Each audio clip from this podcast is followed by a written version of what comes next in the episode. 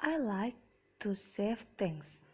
Not important things like whales or people or the environment.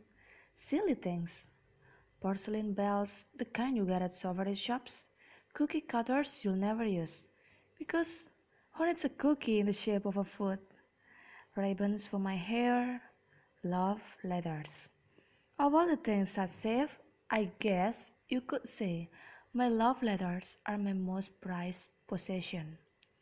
I keep my letters in a tail hat box my mom bought me from a vintage store downtown. They are love letters that someone else wrote for me. I don't have any of those. These are ones I've written. There's one for every boy I've ever loved, five in all.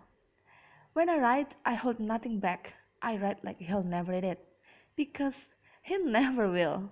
Every secret thought, every careful observation, everything I've saved up inside me, I put it all in a letter.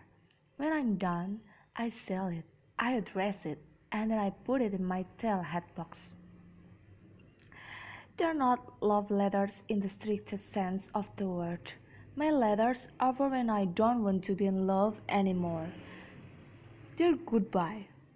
Because after I write my letter, I'm no longer consumed by my all consuming love. I can eat my cereal and not wonder if he likes bananas over his Cheerios too. I can sing along to love songs and not be singing them to him. If love is like a possession, maybe my letters are like my exorcisms. My letters set me free, or at least they're supposed to. I like to save things. Not important things like whales or people or the environment. Silly things. Porcelain bells, the kind you get at souvenir shops. Cookie cutters you'll never use. Because oh, who needs a cookie in the shape of a foot? Ribbons for my hair. Love letters. Of all the things I save, I guess you could say my love letters are my most prized possession. I keep my letters in a tail hat box my mom bought me from a vintage store downtown. They are love letters that someone else wrote for me. I don't have any of those. These are ones I've written. There's one for every boy I've ever loved, five in all. When I write, I hold nothing back. I write like he'll never read it, because he never will. Every secret thought, every careful observation, everything I've saved up inside me, I put it all in a letter. When I'm done, I sell it, I address it, and then I put it in my tail hat box. They're not love letters in the strictest sense of the word.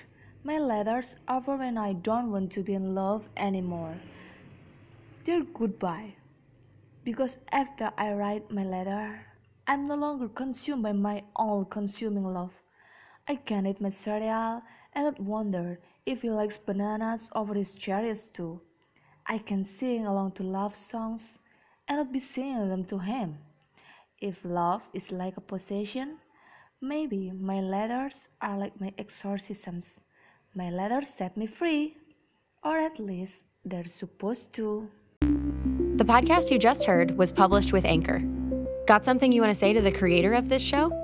Send them a voice message using the Anchor app, free for iOS and Android.